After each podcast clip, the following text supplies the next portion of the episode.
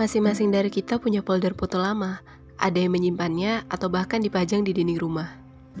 Tapi pernah gak sih kamu ngebuka folder fotonya terus inget kalau kamu pernah sedekat itu sama orang-orang yang sekarang udah jauh?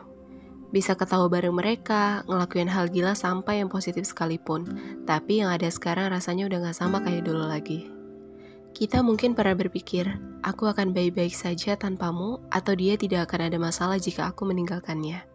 Padahal saat itu hatinya sedang rapuh, Tangannya butuh genggaman, tubuhnya butuh pelukan, kepalanya butuh bahu untuk bersandar.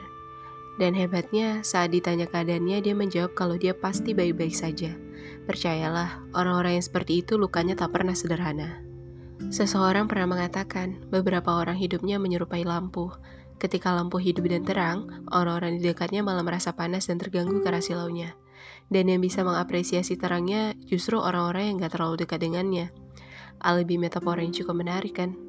Antara yang menjauh dan yang mendekat, cara kembalinya hanya satu.